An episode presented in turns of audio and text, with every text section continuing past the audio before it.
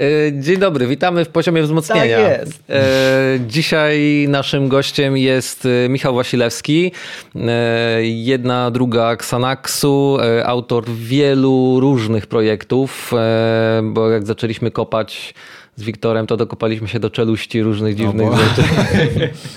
o Boże, czy już wiem, do czego się dokopaliście. Okay. Nie, dokopaliśmy się do wielu pięknych rzeczy tak z twojej twórczości, ale y, nie będziemy obnażać niczego. Jeżeli ktoś będzie chętny, to zrobi to sam. Mamy pytania zupełnie z czym innym związane, y, więc wita was. E, Wiktor, Adrian i Michał. Fantastycznie. Dobrze, y, zaczniesz Zacznę od tego, że nie wstydźmy się hip-hopu. Hip-hop jest wspaniałym gatunkiem, ja się osobiście na nim wychowałem. E, i, e... Ale słuchajcie, ten, jeżeli mówicie o tym utworze, o którym ja myślę, to ten utwór przez Nuance został e, za, za, skategoryzowany jako jeden chyba z dziesięciu najbardziej obciachowych kawałków hip-hopowych ever, więc... Tak, no, może, nie? Ale to też nie wszystko. Jakby e, gdzieś tam na pewno ten, e, ten pierwszy jakby okres, okres e, gdzieś tam robienia produkcji hip-hopowych na pewno wiele cię nauczył. I mm, gdzieś tam zastanawiam się, co mm, wyciągnąłeś i jak to potem się przełożyło na produkcję elektroniki generalnie.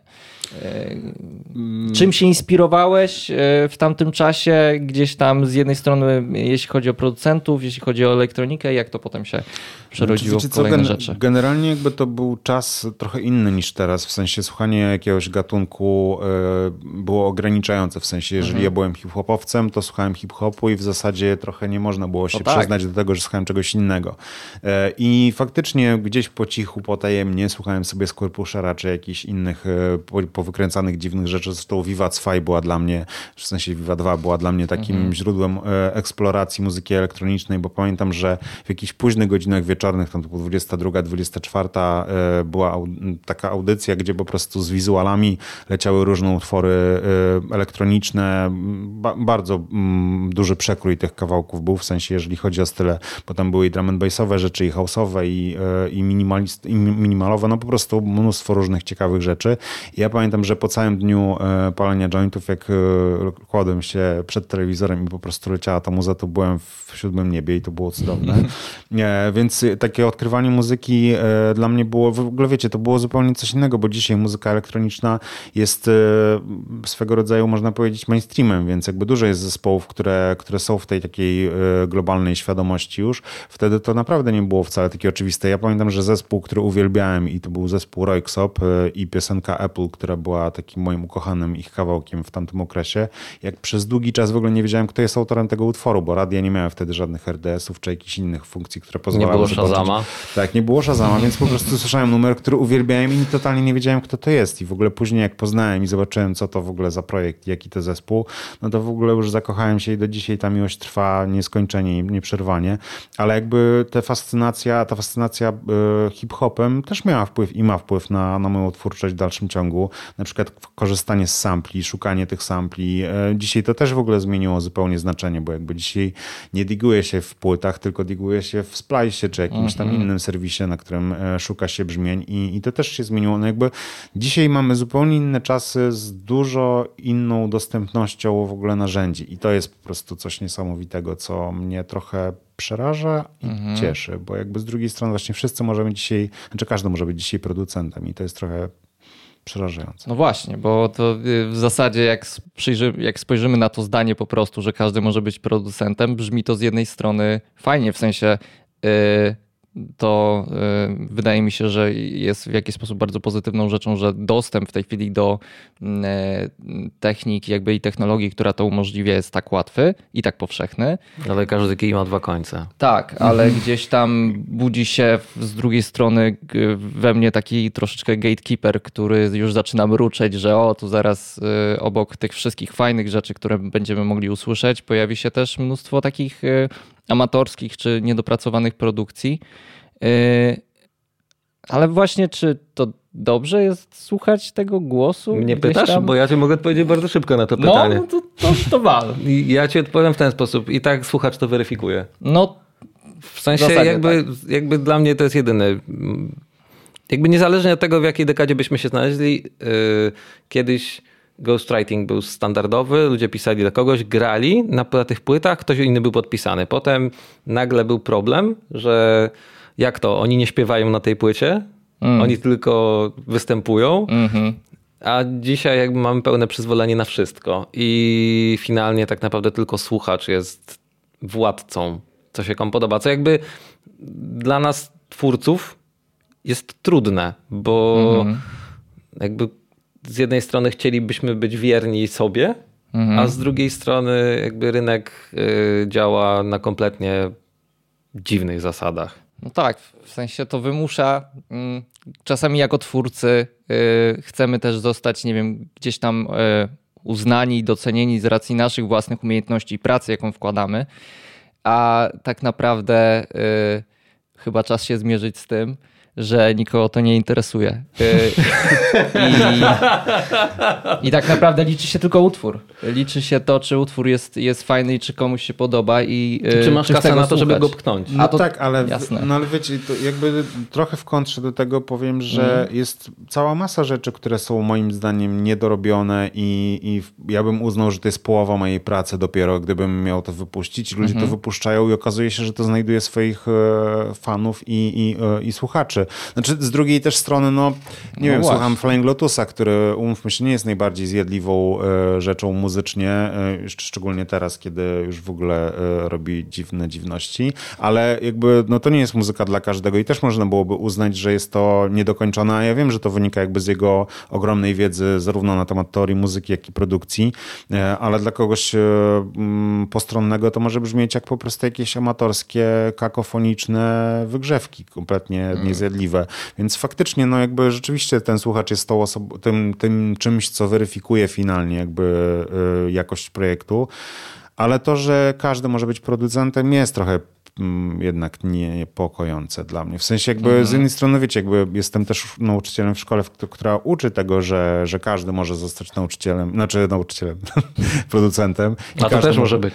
tak, no, to też się zaczyna, ale tak. to osobny e, temat. ale wiecie, ale to jest, to jest nie, trochę e, przerażające w sensie takim, że, że mm, wydaje mi się, że też bardzo często w osobach, które niekoniecznie mają talent, rozbudza się taka, taka myśl i pragnienie, że ja też chcę tworzyć, a niekoniecznie jakby mam ku temu predyspozycję i wszystko, jakby nie, wiecie, no są rzeczy, których się nie przeskoczy, no jeżeli ktoś, nie wiem, nie ma słuchu i w ogóle go mhm. nie kształci, no to jakby nie nauczy się słyszeć y, różnic pomiędzy dźwiękami, znajdować, nie wiem, odpowiednich y, wysokości y, linii basu czy, czy czegokolwiek, więc, więc to jest jakby taki problem, a z drugiej strony, no jakby Flum w ogóle powiedział taką ciekawą rzecz, że że wszyscy mamy dostęp do tych samych narzędzi. I jakby to się naprawdę zunifikowało, bo ja pamiętam, że kiedyś jak słuchałem jakiegoś e, materiału muzycznie, to naprawdę dojście do tego, jakie brzmienie, jak to brzmienie zostało zrobione, jak, jak, jak je zrekonstruować, jak chciałbym na przykład coś podobnego stworzyć, to było praktycznie nierealne. Dzisiaj ja wiem, jakiego pluginu prawdopodobnie używał, albo jakiego mogę sam użyć, żeby, żeby stworzyć brzmienie, które gdzieś tam usłyszę. Jakby muzyka trochę, wiecie, to, to chcę powiedzieć o czymś dość smutnym, że muzyka w pewnym momencie przestała mieć dla mnie tajemnicę. W sensie, że jakby mm -hmm. dla mnie intrygujące muzycznie są te rzeczy, których nie jestem w stanie rozgryźć. Jeżeli ja nie wiem, jak coś zostało zrobione, to to jest dla mnie ciekawa muzyka, ale coś, co jest, no nie wiem, typu wydał teraz Dawid Podsiadło swoją płytę. I ta płyta jest e, super, jakby w ogóle tam wszystko się zgadza zgadza, ale tam nie ma nic, czego ja bym nie był w stanie zrobić e, muzycznie. Po prostu tam się nie dzieją od strony producenckiej mhm. żadne rzeczy, które są dla mnie tajemnicą. A na przykład jak słucham, e, nie wiem, e, Hopkinsa czy, czy, czy no może Moderata, to mniej, ale czasami w, w Moderacie również gdzieś tam zdarzają się właśnie brzmienia, które kompletnie mnie zaskakują i jakby nie wiem, jak to jest zrobione i to mhm. jest dla mnie coś, co powoduje, że chce się dowiedzieć i mhm. jak już się dowiaduje, to oczywiście jest rozczarowanie, że no, wiem kolejną rzecz. No ale to na tym polega, nie? Jakby Wiesz, dla słucha... to jest trochę to, co rozmawialiśmy przed chwilą a propos yy, sprzętu i, i, robienia kubków, czyli dla ciebie jest to kompletnie jasne. Dla tak. słuchacza to mm, jest tak. kolejne, kolejna nowość. Nie? Jakby te rzeczy na, na płycie Dawida Nowej, to są rzeczy, to są sample, które znam e, nawet. Więc jakby to też jakby dla mnie, słucham tego i tak sobie myślę, no spoko, użyłem tego cztery razy gdzieś tam po drodze, i, ale z drugiej strony myślę sobie właśnie, że no, no dla mnie to jest już na tym etapie wtórne z punktu, mojego punktu widzenia, ale dla osoby, dla, dla, na przykład dla mojej dziewczyny, która po prostu sobie słucha muzyki, mhm. No to jest coś nowego, bo to jest w ogóle wprowadzenie pewnych elementów z innych gatunków do tego konkretnego, nie? Więc jakby dla nas powiedzmy jest to naturalne i nie zaskakuje nas tak bardzo, ale właśnie słuchacz finalnie weryfikuje, nie? Znaczy ja myślę, że to jest trochę kara, wiecie, no za to, za to że mm, jakby właśnie jesteśmy producentami no, i słuchamy tej muzyki w trochę inny sposób. No jakby ja też nie słucham dzisiaj, znaczy bardzo trudno jest mi słuchać muzyki nie rozbierając jej na części pierwsze, w sensie nie skupiając się. Mhm. Czasami zdarza mi się takie holistyczne podejście, nie wiem, na koncertach na przykład to mam, mhm. że, że jak słucham na koncercie, to oczywiście też się skupiam czasami na tym, jak coś jest zrealizowane, jak wokal jest zrealizowany, że jest za cicho, czy jest za głośno, ale jakby nie skupiam się tak bardzo już na każdym detalu, po prostu staram Chłoniesz. się odbierać tak, tę, tę muzykę i to jest fajne, a z kolei jak słucham muzyki e, właśnie w domu, w samochodzie, to prawie zawsze ją analizuję i, i sprawdzam, co w niej się dzieje i w jaki sposób jest co zrobione i to jest strasznie upierdliwe, ale mm. z drugiej strony jakby poznaję cały czas nowe rzeczy. Jak prezydent Andrzej Duda, uczę się w każdym momencie. W mm, samochodzie to... się uczę, w samochodzie się uczę. No, wspaniale, wspaniale, wspaniale. E, dobrze, to ja może zapytam Cię już bardziej o, o Twój projekt jakiś, bo w trakcie diggingu natknęliśmy się na cmek. Mhm. Czy coś się dalej z tym wydarzy? Mm, miało się wydarzyć, bo miała to być płyta, która miała się składać z czterech, e, z czterech płyt. Finalnie wyszła jedna tylko. E, I Prawdopodobnie pozostałe już nie ujrzą światła dziennego. E, to trochę wynika z wyników sprzedażowych tej płyty i po prostu mm -hmm. tego, że ta płyta, znaczy z nią się nic nie wydarzyło. Jakby mm, wydałem materiał. Dzisiaj jakby ciężko mi jest na to mm, jakby jakoś jednoznacznie odpowiedzieć, w sensie e, albo powiedzieć, jaki był plan i jak to miało się zrealizować, bo słuchając tego materiału, w dalszym ciągu jestem z niego zadowolony. W sensie mi się podoba to, co tam zrobiłem, e, chociaż wiem, że może to zabrzmieć, zabrzmieć nieskromnie, ale naprawdę jakby no nie, mam, nie mam tam nic sobie do zarzucenia. Natomiast e, wydaje mi się, że jakby to nie jest muzyka, która może dotrzeć do jakiejś świadomości e, szerokiego odbiorcy i gdzieś tam jest to dla mnie swego rodzaju bólem, ale no nic na to Wiesz nie poradzę. Co? Ja nie powiedziałbym, że, że jest to y, produkcyjnie złożony krążek i dużo tam ciekawych rzeczy się dzieje. Natomiast... W ogóle numer z Barbarą Wrańską. No. Natomiast nie wydaje mi się z drugiej strony, że y, jest to muzyka y, na tyle gdzieś tam y, trudna w odbiorze dla potencjalnego słuchacza, żeby stanęło to na przeszkodzie jej popularności. Też wydaje mi się, że na pewno nie pomógł ci, nie pomogła ci pandemia i po prostu to, że, że ta płyta wyszła na jesieni 2019 i gdzieś tam też miałeś ograniczone na pewno możliwości promocji i koncertowania z tą płytą. Mm, natomiast, natomiast y, absolutnie co do, co do samej muzyki i, i, i krążka, myślę, że nie mam zastrzeżeń i trochę mi smutno, jak słyszę o tym, że, że, że nie będzie, już, nie, że, że będzie tylko C i nie będzie myka już. Tak, tak. Jakby biorąc pod uwagę to, to, to, o czym mówiłeś y, w innych wywiadach a propos tego, to no, bardzo jestem po prostu ciekaw innych kolorów, innych kolorów, bo yy, no to jest jakby trochę to, to co Wiktor powiedział. Nie uważam, że to jest muzyka też taka, która mm, mocno by powodowała, że będzie to niedostępne. Jakby nie oszukujmy się, ktoś taki jak Flum osiągnął taką popularność, a to jest muzyka ciężka. To jest naprawdę, to jest już jakby pomijając pierwszą płytę, ale mm. potem to już jest naprawdę, to jest wyczynowa elektronika, jeżeli chodzi mm -hmm. o tak, to jest mm -hmm. skraj popu, naprawdę taki skraj, ale, że przepaść. Tak, nie? ale jednocześnie mm, z, popatrz, popatrzmy na to, że jest na przykład Flum, jest Diplo czy Skrillex i jakby skala sukcesu Fluma, mimo wszystko, mimo że on jest spektakularny, to to nie jest to samo, co osiągnął Skrillex, robiąc zdecydowanie bardziej e, strawne rzeczy dla, dla mainstreamowego odbiorcy.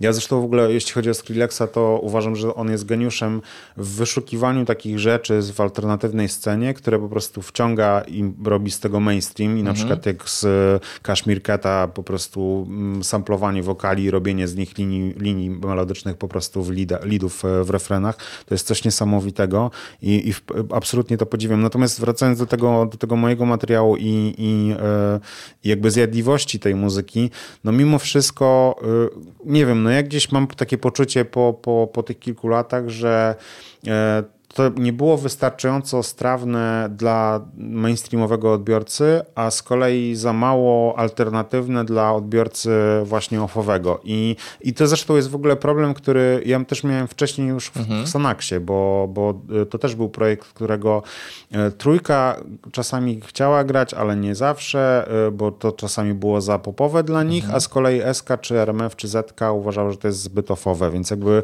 byliśmy gdzieś pomiędzy cały czas i wiecie, to z drugiej strony jakby obfitowało w dużą ilość y, takiego oddanego odbiorcy, który przychodził na koncerty i tak dalej i to, i to było fajne. Natomiast y, faktycznie no jakby radiowo byliśmy trochę nieobecni, w sensie gdzieś tam się pojawiliśmy w różnych rozgłośniach, ale nie było to na zasadzie no jakiegoś hitu radiowego, tak jak na przykład wyszło z Baranowskim, gdzie, mhm. gdzie po prostu zrobiliśmy utwór i okazało się, że to zadziałało.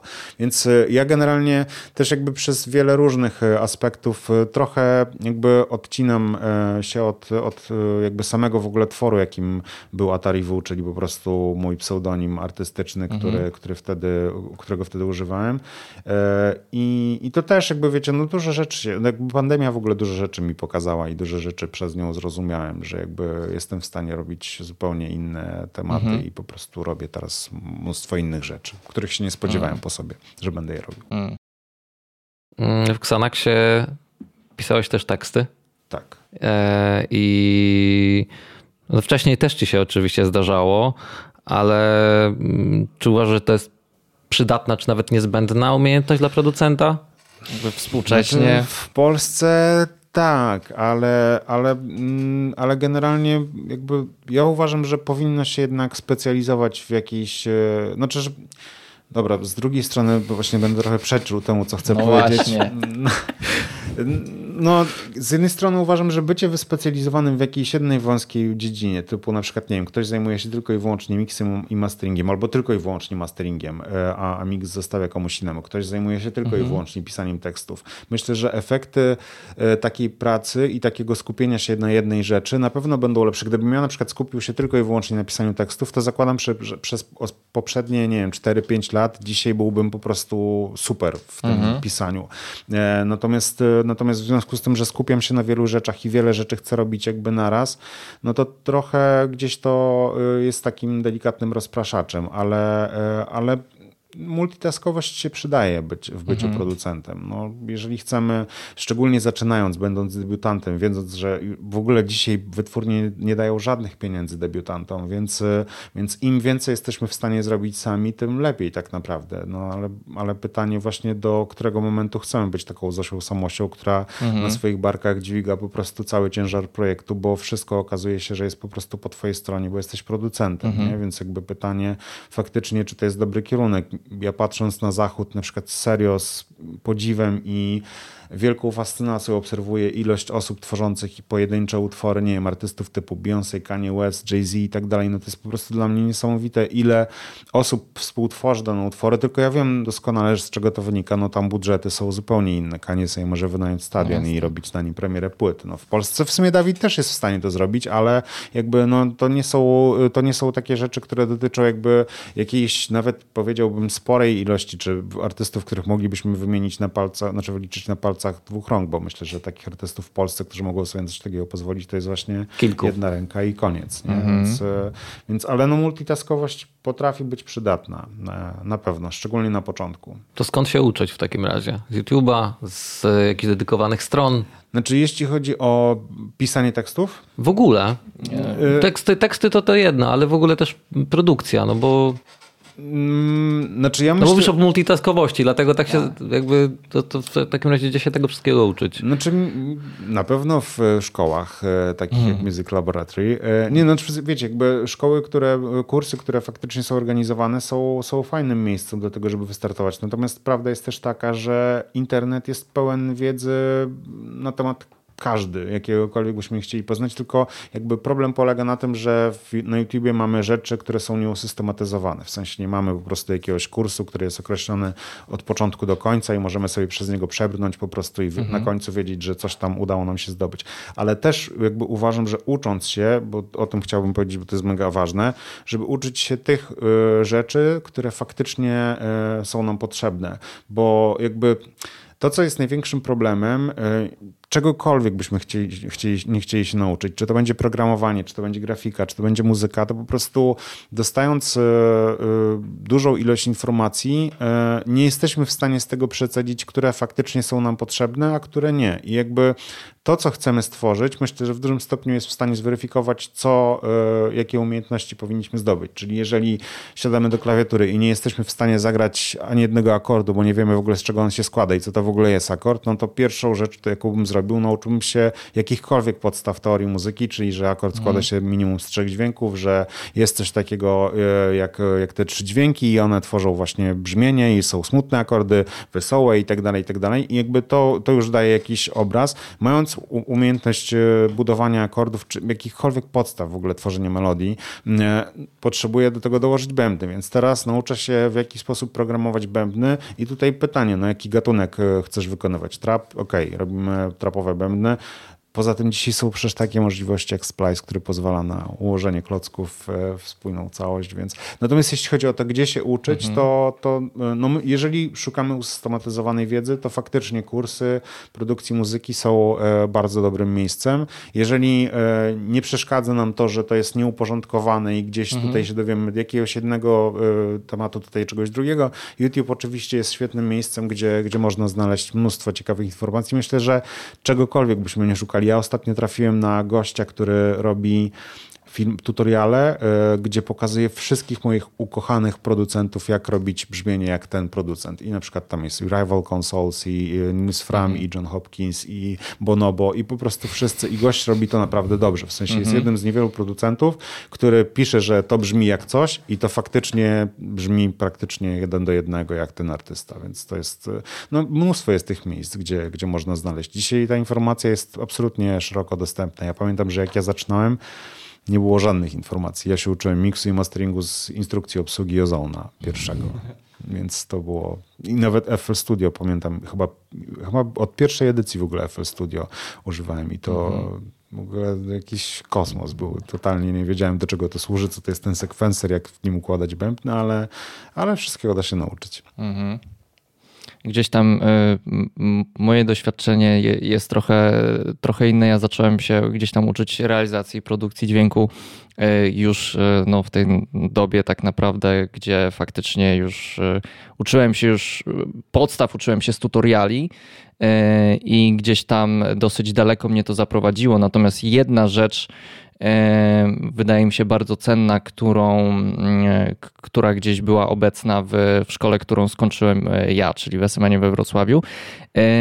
To było to, że mm, nauczyciele, z którymi mm, mieliśmy zajęcia, gdzieś tam potrafili jednak wskazać mi e, pole lub, lub rzeczy, które mógłbym jeszcze bardziej usprawnić, rzeczy, szczegóły, na które wtedy jeszcze nie zwracałem uwagi, bo jeszcze nie miałem tej, tej świadomości takiego, mm, e, takiej, takiej świadomości dokładnie tego, co czym, na co zwrócić uwagę i o co zadbać i to też jest bardzo cenne, gdzieś tam taki element e, Mentoringu. mentorstwa, mentoringu w, w Ale to jest właśnie rozwoju. to, o czym mówiłem e, a propos kursów, że jeżeli właśnie potrzebujemy takiego e, przewodnika, takiego mentora, który będzie nam pokazywał pewne rozwiązania i, i przyspieszał tak naprawdę ten proces nauki, to na pewno tutaj kursy, które są, różne kursy, które mhm. są organizowane produkcji i realizacji dźwięku, będą świetnym, świetnym rozwiązaniem, bo właśnie no YouTube nie daje takiego mentoringu, w sensie nie mamy możliwości, znaczy czasami niektórzy ci, ci twórcy są na tyle aktywni na przykład w komentarzach, że jak ktoś mhm. o coś zapyta,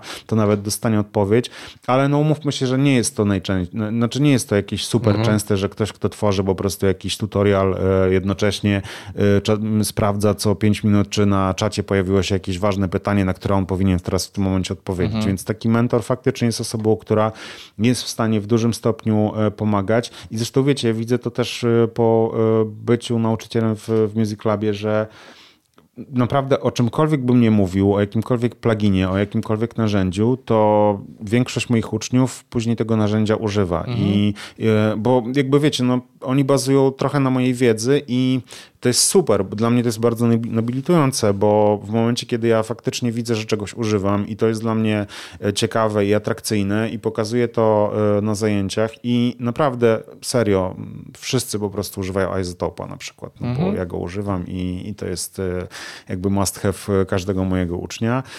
Też ja jakby w trakcie, w trakcie kursu tłumaczę na przykład, które narzędzia są lepsze albo które będą do czego bardziej prawidłowe prawidłowe, na przykład y, bardzo często pojawia się pytanie, jaki synt wybrać na początku, w sensie z czego korzystać i który będzie najlepszy. No i tutaj właśnie pytanie, do czego chcesz mhm. go wykorzystywać. Jeżeli chcesz mieć możliwość korzystania z każdego praktycznie rodzaju syntezy, czyli włącznie z granularną, no to korzystaj z Pigments. Jeżeli chcesz e, mieć coś, co będzie na tyle uniwersalne, że będzie mogło trochę naśladować analog, a trochę być cyfrą, to używaj serum. No jakby, wiecie, tutaj te odpowiedzi nie są takie jednoznaczne, ale, ale z drugiej strony no zawsze to jest jakaś wskazówka, jakaś porada, bo e, teraz miałem ostatnio rozmowę z jednym z uczniów, który chciał bardzo sobie kupić Nexusa i tak mu tłumaczyłem, że słuchaj, Nexus jest spoko, ale Serum na przykład będzie miało dokładnie te same możliwości, tylko jeszcze większą opcję edycji po prostu poszczególnych brzmień. Więc, e, więc tak, to jest ważne, żeby mieć kogoś takiego, kto będzie gdzieś tam mhm. nas prowadził. Gdzieś tam jeszcze drugo, drugim elementem, który wydaje mi się ważny y, w, w takich miejscach jak, jak szkoły, y, jest ten element y, społeczności. I, I to też bardzo pomaga. Jakby y, jedną, jedna rzecz to były, to były rzeczy, których nauczyłem się od nauczycieli, ale całe mnóstwo różnych patentów i, i nowych pomysłów i doświadczeń i inspiracji miałem od, od swoich kolegów z klasy, którzy byli na bardzo różnym poziomie. Niektórzy dopiero zaczynali, uczyli się czym jest DAW, niektórzy już gdzieś tam produkowali jakieś rzeczy, wypuszczali numery i po prostu przyszli troszeczkę podszlifować konkretne umiejętności. Mm, e, I to też było, to było chyba najcenniejsze dla mnie, ta, ta, ta znajomość, e, znajomości, które zawierałem i, mm, e, i to też jest, to też widzę w internecie coraz mocniej.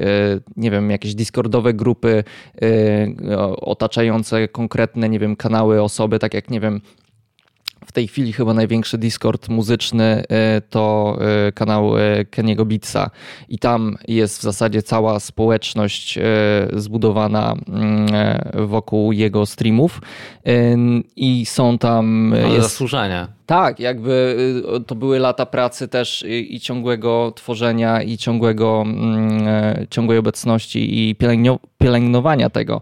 Natomiast y, na tym etapie y, jest tam cały czas cztery rumy, które są otwarte dla wszystkich i ludzie po prostu logują się, patrzą kto co robi, ludzie wchodzą i po prostu wrzucają stream, jak produkują kolejny numer i dyskutują na temat różnych tam decyzji, syntów, wtyczek, sampli, z których korzystają korzystają. Są kanały dedykowane do mm, właśnie dzielenia się samplami, do kolaboracji itd. Tak itd. Tak y, I mm, wydaje mi się, że to też jest już kolejny jakby poziom ewolucji całego, całego tego środowiska i całej tej zabawy i to też y, bardzo mocno będzie wpływać na to, jak, jak y, muzyka, muzyka powstaje. No. no ja miałem na przykład zupełnie inne doświadczenia, bo ja akurat jestem tak pomiędzy wami dwoma wiekowo, mm -hmm. więc ja jeszcze trochę zahac bardziej zahaczyłem o, o twój sposób, czyli siedziałem mm -hmm. i sam grzebałem wszystko. I jakby jestem też fanem czytania instrukcji wszystkiego, bo zawsze coś w instrukcji znajdę. E, a, a z drugiej strony, jak już coś zacząłem robić, to, to wtedy się pojawiły tutoriale, pojawiły się wszystkie strony internetowe z kursami i byłem taki, damn, trochę za wcześnie. Jakby teraz byłoby tu dużo, dużo łatwiej. E, zresztą jakby no też kolejną rzeczą, która się pojawiła później, to były właśnie wszystkie szkoły. Mhm. E, bo jednak popularność szkół produkcyjnych wzrasta, no tam nie wiem, od 5, 6, 7 lat w Polsce. I no to jest, to też widać, że dużo ludzi, którzy skończyli takie szkoły też y, dostają taki boost właśnie. Mhm.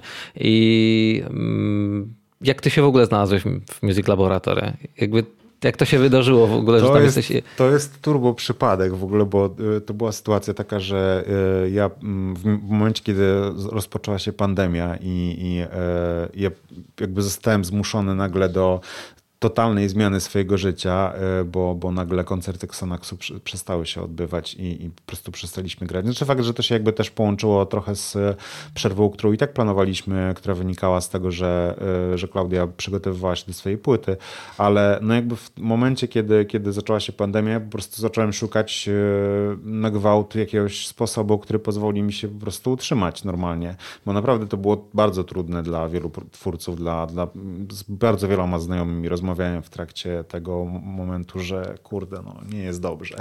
E, I, e, i okazało się, że, że napisałem do, do Music Cluba, nie wiedząc nawet, że e, piszę do, do mojego kumpla, bo nie wiedziałem, że on jest odpowiedzialny za, za, za ten projekt. No i okazało się, że, że z otwartymi ramionami zostałem tam przyjęty. Zresztą w ogóle no, naprawdę nam się współpracuje świetnie, plus dodatkowo mamy tak dużo nowych, ciekawych pomysłów i, i, i no, tematów, które rozpoczęliśmy i które będziemy kontynuować, między innymi właśnie a propos społeczności, też tworzymy własną społeczność e, złożoną z naszych absolwentów, takich, którzy faktycznie wyróżniają się i zaangażowaniem, i, i, i tym, co robią muzycznie. E, I naprawdę no, fajnie to, to wszystko działa. E, tak naprawdę pandemia trochę pokazała, że ludzie bardzo chcą się tego uczyć i, i my mieliśmy zdecydowanie więcej nagle mm, kupionych kursów po prostu, no bo ludzie siedząc w domu stwierdzili, kurde, no jak mam siedzieć w domu, to przy okazji pouczę się produkcji. I im kursy online faktycznie e, działały bardzo dobrze i to, i to wszystko było bardzo sprawne, więc moje pojawienie się w Music Clubie było zupełnym przypadkiem, ale znaczy pozornie przypadkiem, a jednak jak się okazuje, to było przeznaczenie. Mm. To może opowiedz nam nieco więcej właśnie o Music Clubie, jakby y, czym jest, czym jest teraz, y, co, co się u was dzieje i jakie może macie ma plany właśnie na najbliższą przyszłość. To dobra, to jeśli chodzi o, znaczy w ogóle to, co Music Club y, robi, to przede wszystkim uczy produkcji i, i realizacji dźwięku na dwóch kursach, czyli kursie produkcji i kursie miksu i masteringu, bo takie dwa kierunki jakby są u nas dostępne. Natomiast planujemy również w przyszłym roku zrobić kurs songwriterski, bo mm. na to jest bardzo duże zapotrzebowanie. Plus też widzę po uczniach, którzy mm, jakby skończyli kurs produkcji, e, czyli ten taki podstawowy powiedzmy u nas kurs, e, widzę też, że oni chcą się rozwijać dalej i niekoniecznie zawsze tym punktem drugim jest mix i master. W sensie nie każdy chce być inżynierem mixu i masteringu. E, czasami właśnie ktoś chciałby się bardziej skupić na songwritingu, więc chcemy zrobić taki kurs advanced, czyli, czyli trochę bardziej zaawansowany i tam prawdopodobnie robić sesje songwritingowe, gdzie po prostu spotykamy się w kilka osób i tworzymy utwory, czyli robimy sobie mhm. zadania. Na zasadzie siadamy, ok, dzisiaj mamy utwór referencyjny brzmiący tak, robimy w tym stylu teraz kawałek, żeby wiecie, no bo jakby tworzenie takie na zasadzie zróbmy to, co wyjdzie, to czasami wyjdzie fajnie, a czasami wyjdzie na zasadzie, mhm. no ok, więc ta referencja jakby jest ważna, żeby mieć po prostu taki punkt odniesienia, że to nie musi być, wiecie, zżynanie, bo to nie chodzi o to, żeby, żeby e, kopiować coś, tylko po prostu zrobić sobie taki wyznacznik, że dobra, w tę stronę idziemy, zobaczymy faktycznie, jak to wyjdzie w praktyce. Więc to jest jakby jeden z kursów. Dodatkowo mamy kursy online, e, które, które uruchomiliśmy. To są kursy, które są w formacie e, VOD, czyli, czyli e, video on demand, gdzie ktoś może sobie obejrzeć, w jaki sposób produkować podstawy, wszystkie ma tam wytłumaczone, a dodatkowo jakby do tego jest, są dołączone zjazdy online z nauczycielem, mhm. czyli właśnie to mentorstwo. Mamy jakby połączenie tych best of both mhm. worlds, czyli trochę jest, e, tego z YouTube'a, czyli tutoriali, gdzie po prostu ktoś pokazuje, jak coś zrobić, ale dodatkowo jest mentoring po prostu, gdzie można się dopytać, dowiedzieć. Zresztą dzisiaj właśnie mam zajęcia z jedną z grup, które, które dzisiaj zaczynają swój pierwszy kurs, e, pierwsze, pierwsze, spotkanie dzisiaj będą miały, więc planów mamy z Music Clubem bardzo dużo. Między innymi też przygotowujemy teraz tę społeczność, o której, o której mówiłem wcześniej, która zrzesza tych naszych utalentowanych uczniów i dodatkowo e, planujemy też e, mm, platformę, która będzie zajmowała się sprzedażą sampli, presetów, e, wtyczek VST, więc, więc mamy plan dość duży i, i to jest właśnie a propos tworzenia rzeczy, mm -hmm. może już nie, cał, nie, nie całkowicie fizycznych, no bo jednak wtyczka to wtyczka, ale wiecie, no jednak jest to zatrudnienie iluś tam osób po to, żeby one były w stanie faktycznie zrealizować od strony programistycznej pewien, pewne założenia. E, jakby spotkanie moje ostatnie z, z Piotrkiem z Poliendu sprawiło, że jakby trochę utwierdziłem się w przekonaniu, że wszystko jest możliwe, że to jest kwestia tylko tego, co gdzieś nas mhm. w głowie po prostu blokuje, e, a jak sobie tę blokadę wyrzucimy, to naprawdę jesteśmy w stanie realizować niemalże każdy projekt. Jakby pomijam, czy to faktycznie może osiągnąć sukces, czy nie, natomiast jeżeli sobie założymy, że coś Jasne. zrobimy, to naprawdę jesteśmy w stanie zrobić dzisiaj, w obecnych czasach, jesteśmy w stanie zrobić niemalże wszystko. To jest, e, to jest serio realne. To nie jest... To... Jakiś czas temu rozmawialiśmy a propos tego, że sukces to też jest, zależy od naszej własnej definicji. Tak, że to zależy faktycznie co widzimy za, za tym słowem i, i, jak sobie wyobrażamy sukces, ale nie, jeszcze tylko domknąć klamrą. E, super kurs e, pod tytułem konstrukcja na przykład instrumentów elektronicznych albo nie wiem, instrumentów wirtualnych. To byłoby w ogóle tak e, bardzo fajny kierunek, jak tak to, sobie Ale to w szkole programistycznej musiałby e, być. Być może, jakby to mówię, tak rzucam ogólnie, bo nie słyszałem jeszcze chyba o czymś takim, a w sumie bardzo, bardzo to by mogło być ciekawe. Mm, no tak. Dobra. To teraz, jak dużo, dużo tak gadaliśmy o teorii, to może trochę pogadajmy jeszcze o sprzęcie. Okej. Okay i w ogóle czego używasz? No bo wspomniałeś trochę o, o software'ze, a czy używasz w tym momencie jakiegoś hardware'u, czy jeżeli znaczy, chodzi na przykład o syntezatory, czy raczej się skupiłeś tylko i wyłącznie w, ja miałem, w cyfrze? Miałem tak, że y, przez pewien czas byłem posiadaczem Polysixa, byłem y, posiadaczem Korga MS20, ale mm, jakby wiecie, no, ja mam taki problem z hardwarem, że y, przepinanie się i używanie krosownicy dla mnie jest po prostu mm. upierdliwe i tego nie lubię. E, poza tym odzyskiwanie ustawień, e, w sensie przywoływanie tych samych, e, no jest to upierdliwe. Ja mam takie poczucie, że dzisiaj jakby syntezatory wirtualne y, są naprawdę, znaczy ja nie, nie, absolutnie nie mówię tutaj, że one są tak samo ciepłe brzmieniowo jak na przykład analog y, typu Reprofet, y, chociaż z drugiej strony Repro 5 czy Repro 1 dla przeciętnego zjadacza chleba i odbiorcy jest nie do rozróżnienia. W sensie myślę, że nie jest w stanie ktoś stwierdzić różnicy. Na pewno wiadomo, że jakby od strony mm, organoleptyczno-kinestetycznej to zdecydowanie jakby fajniejszą opcją jest e, kręcenie potencjometrami fizycznymi na, na urządzeniu niż myszką, ale ja na przykład do tego stopnia przyzwyczaiłem się do tego workflow e, właśnie pracy z myszką, że moim jedynym hardwarem, którego używam jest push, który jest po prostu sterownikiem MIDI, e, plus mhm. oczywiście klawiatura sterująca, ale wszystkie syntezatory, które, które miałem, czy, które kiedykolwiek się prze, przewinęły przez moje ręce, po prostu wszystkie sprzedawałem, bo w którymś momencie stwierdzałem, że ja i tak jakby w większości używam wtyczek. Mhm. To samo miałem dokładnie z analogowym analogowymi urządzeniami do, do miksu, e, gdzie miałem lub trotera, e, miałem e, distresora i, i jakby miałem te rzeczy, ale one po prostu stały jako mhm. ozdoba, którą zapaliłem w, zapalałem w momencie, kiedy przychodził klient do mojego studia, żeby pokazać, że patrzcie, jak ładnie się świeci, tu wszystko jest, nie? Ale, ale w, rzeczywistości bardzo rzadko z tego korzystałem, bo dużo więcej rzeczy robiłem jednak w pudełku i, i finalnie przy tym pudełku zostałem. Gdzieś jakby, wydaje mi się, że takie trochę zatoczyłem koło, jakby zaczynałem od tego, że wszystko wszystko robiłem na komputerze, jakby starałem się rzeczywiście być w stanie wszystko tam zrealizować, włącznie właśnie z tym, że w momencie, kiedy jakiś tam pierwsza, jakaś pierwsza edycja Ozona wyszła, to ja w ogóle tego Ozona mm, mhm. próbowałem się nauczyć najlepiej mhm. jak się da i tak dalej, pracowałem z nim i nie używałem żadnych hardware'owych rzeczy. Później jakby na tyle moja kariera się rozwinęła, że byłem w stanie pozwolić sobie na zakup po prostu analogowych rzeczy, bo też o tym trzeba powiedzieć, że te rzeczy to nie jest 1000 e, zł czy 500, tylko trochę więcej, mm. więc, więc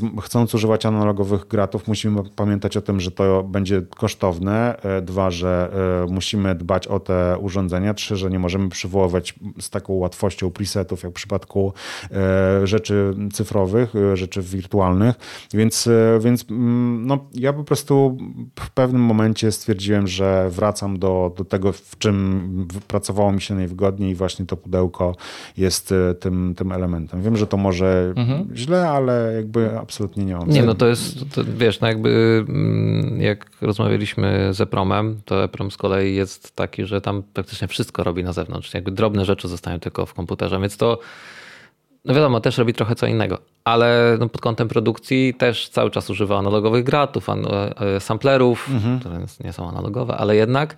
E i analogowe w sensie, że fizycznie Tak, w sensie jest. fizycznie jest.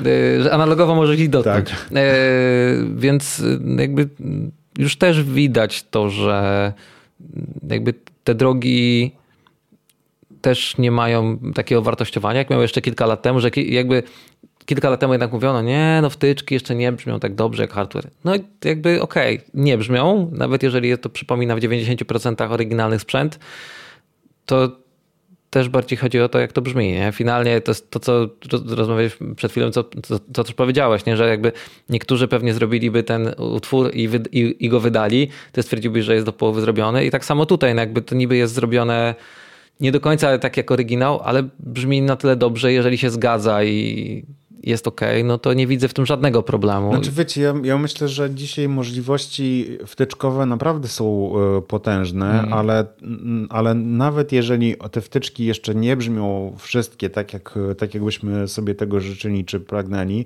to prawda jest taka, że mm, jak słuchamy takich największych klasyków z muzyki elektronicznej, to tam są wykorzystywane prawie zawsze najprostsze w ogóle sinusoidalne fale piłokształtne i nie ma tam jakichś zabaw wavetable'ami czy jakimiś innymi mhm. E, rzeczami, które są dostępne dzisiaj w, w syntach.